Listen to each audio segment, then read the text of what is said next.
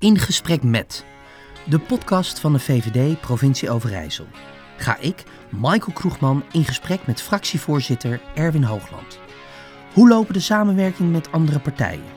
Welke onderwerpen vragen meer aandacht in het debat? Of is er al in een korte tijd op een bepaald onderwerp een spreekwoordelijke klap gegeven? Maar vooral behoefte naar duidelijkheid in het politieke landschap. In deze aflevering gaan we in gesprek over hoe was het om in debat te gaan met Sigrid Kaag, provinciale thema's die gekaand worden door de landelijke politiek en op wie heeft de kiezer nou eigenlijk gestemd? Niet op Mark Rutte of Sigrid Kaag of Jesse Klaver of Caroline van der Plas. Nee, op provinciale politici. Maar hoe kan het dat toch de aandacht richting de landelijke politiek ging? En eh, tegenover mij zit Erwin. Erwin, eh, een hele goede dag. Nee, goeiedag. Ja, oh, ja, ja, je staat aan. Ja, je staat Sta aan. oh, wacht, je staat op de verkeerde. Zo, nou doe het zo. Huppakee. En nu? gaat Ja, kijk, nu in, net. Ja, dat was net even geswitcht, dus dat is vandaar. Ja, we moeten even eh, klachten indienen bij de redactie. Ja, dat zal ik bij deze zal ik dat doen. Ja, wij gaan het eh, met elkaar hebben over eh, de afgelopen weken, afgelopen maanden. Er is nogal het een en ander gebeurd. Een, een aardsverschuiving in, eh, in, de, zo, nou, in de provinciale politiek. En als ik zo de peilingen geloof en zie, dan gaat dat ook eh, in de landelijke politiek er straks uitzien. Maar goed, dat is vol, nee, over twee jaar. Over twee jaar. over ja, twee nou, jaar. Er kan nog heel veel gebeuren. In twee jaar kan waanzinnig veel Ja. gebeuren. Eh, nee, de aardverschuiving. Ik moet eerlijk zeggen, op die verkiezingsavond toen... Ja. ehm, ehm, ik zat er echt eh, te kijken naar zeg maar, die, die, die exit polls die er waren. ja.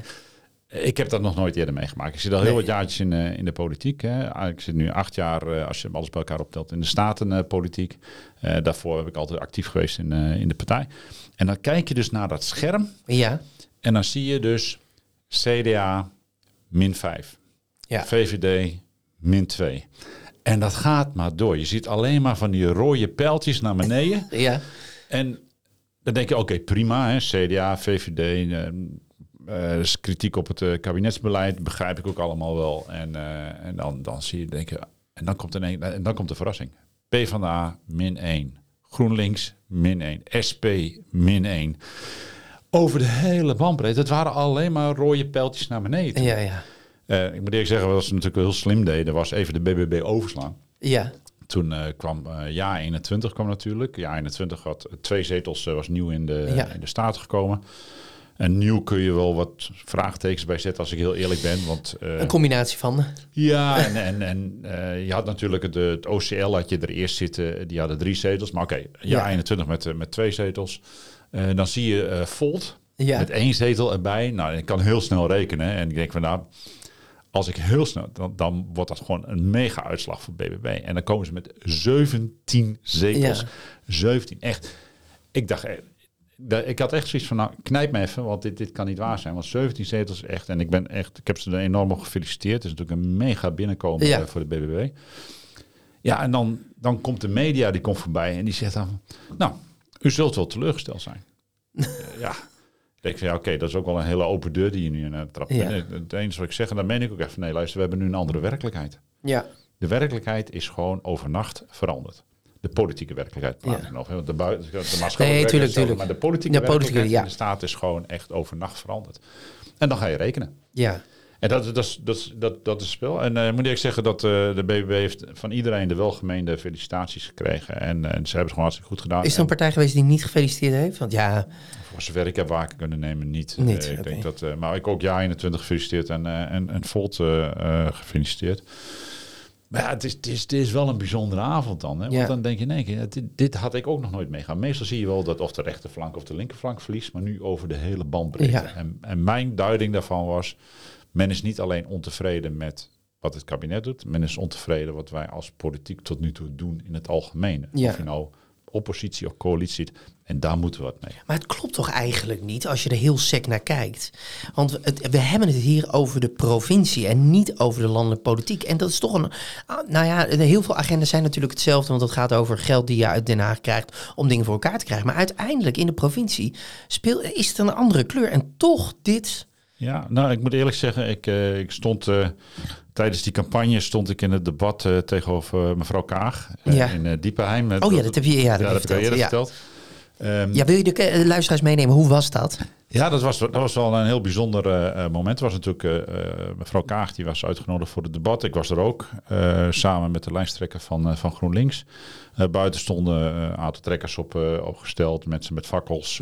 er stonden wat kraampjes met onder andere de BBB maakte daar ook, ook reclame. Ja. Um, ik moet zeggen, mevrouw Kaag kwam na mij binnen. Ik liep daar als relatief vroeg doorheen en eigenlijk uh, zag men mij niet staan. Uh, dat was, dat was je was niet zo bijzonder op dat moment. Nee, nee. Hallo, Lubach daar nog wel een hele leuke grap over oh, ja? gemaakt. Ja, ja, ja, wat heeft hij? Uh, Lubach had die, de, zeg maar, de, de, de advertentie waarop gemaakt werd van mevrouw Kaag en Hoogland en, en, en Brinkman. En achter, toevallig stond bij mijn naam stond het woordje uitverkocht. En toen zei Lubach, ja, logisch dat Hoogland uitverkocht is. Want wie wil hem niet zien? Oh, ja. Of wie wil hem niet horen? Ja, ja. natuurlijk briljant van hem gevonden. Ja. Alleen ik moet eerlijk zeggen, toen ik er doorheen liep... Uh, mensen ik, hebben allemaal netjes hallo gezegd en hand geschud. En, en dat was het dan. Men was echt op mevrouw Kaag aan het wachten. Er was een wat, ja, wat, wat, wat grimmige sfeer. En oké, dat, dat kun je verwachten. En, maar tijdens het debat zelf, hè, wat we toen daarna gehad hebben... was dat eigenlijk geen thema meer. Maar ik heb toen wel tegen mevrouw Kaag gezegd... van luister... Uh, alles mooi wel, maar wat mij stoort aan het hele, wat er nu gebeurt, is dat het is allemaal gefocust op landelijk, terwijl wij als provincie gewoon een essentiële taak hebben als het gaat over de inrichting van de provincie Overijssel. Ja. Als het nog gaat over uh, hoe gaan we om met het platteland, als het gaat hoe gaan we om met de bereikbaarheid, als het gaat hoe gaan we om de regionale economie, het zijn allemaal provinciale thema's en alles wordt eigenlijk gekaapt door landelijk. Nou was ik dat in het verleden wel een klein beetje gewend. Ja, dat hebben we gezien. Maar het was deze keer Heel extreem. extreem. Ja, ja, ja. En, en, en dan denk ik bij mezelf van, ja luister mensen, het is allemaal mooi en prachtig. Je stemt niet op Caroline van der Plas. Nee. Je stemt niet op Mark Rutte. Je stemt niet op Sigrid Kaag. Nee. nee, je stemt op provinciale politici zoals Carla Evers, Erwin Hoogland, Lucas Brinkman. Ja. Uh, pak, ze, pak ze allemaal maar op een rij. En de, ik vraag me nou eens af of, of mensen zich dat realiseren. Nou, ik geloof het niet. En, en dat is dan jammer. Ik begrijp de proteststem. Ja, die, die begrijp ik ook. Ja, die begrijp ik.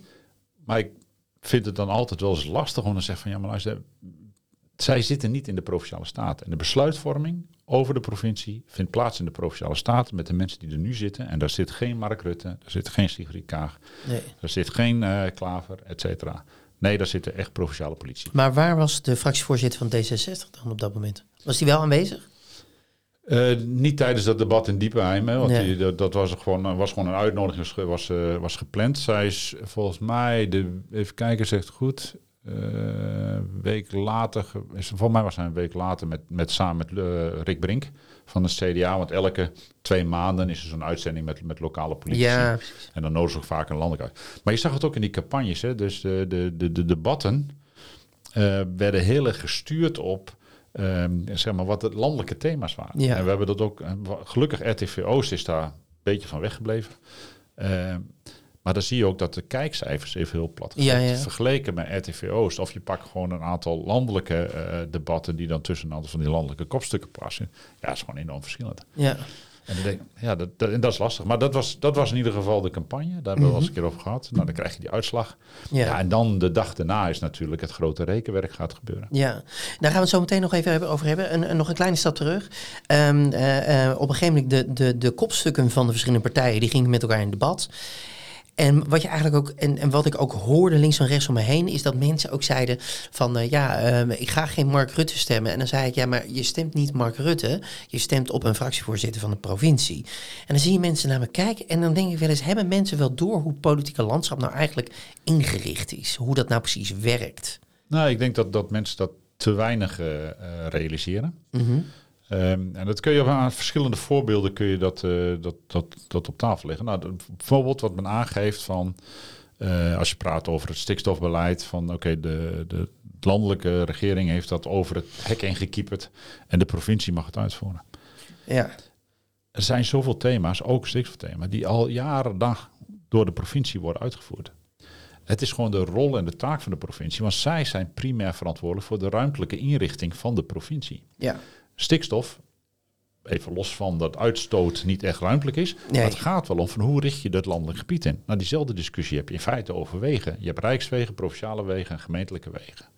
De, de, de, het onderliggende wegennet, zoals ze dat netjes zeggen, dat is de verantwoordelijkheid van de provincie. Dus in feite alleen de A-wegen, daar gaat het Rijk over. Alle andere wegen gaat bijna de provincie over. Mensen realiseren zich niet dat die provincie eigenlijk een cruciale rol heeft in alles wat je om je heen ziet.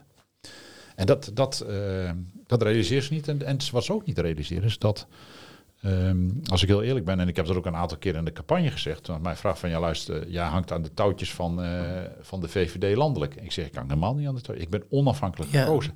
Ik ben verantwoordelijk voor wat ik als VVD Overijssel doe in Overijssel. En natuurlijk ben ik een VVD'er, dus ik heb dezelfde basisbeginselen. Ja, natuurlijk, ja. En natuurlijk uh, kijk ik naar wat er landelijk beleid, wat, wat daar gebeurt. Maar dat wil niet zeggen dat ik teken bij het kruisje of het één op één overneem. En dat speelde bijvoorbeeld bij de stikstofdiscussie, speelde dat. Ik heb al vorig jaar maart, uh, sorry, vorig jaar uh, zomervakantie moet ik eigenlijk zeggen. Ja, 2022. 2020, ja, ben ik geïnterviewd door de Hofbar.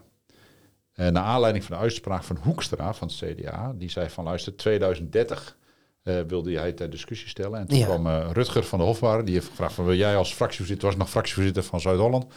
Ik zei, hoe sta jij daarin? Ik zei, nou luister, voor mij is het makkelijk. De wet is leidend, dus 2035. Oh, dus jij wijkt af van het landelijk beleid. Zei, ik ben verantwoordelijk als provinciale politicus voor de wet. En het is een ambitie van landelijk. En als landelijk wil afwijken, ja. dan is dat prima van de wet. Hè? Ambitie mag altijd hebben. En als ze vinden dat wij in die ambitie mee moeten gaan, dan zullen ze ons moeten verleiden om mee te gaan in die ambitie. Ja.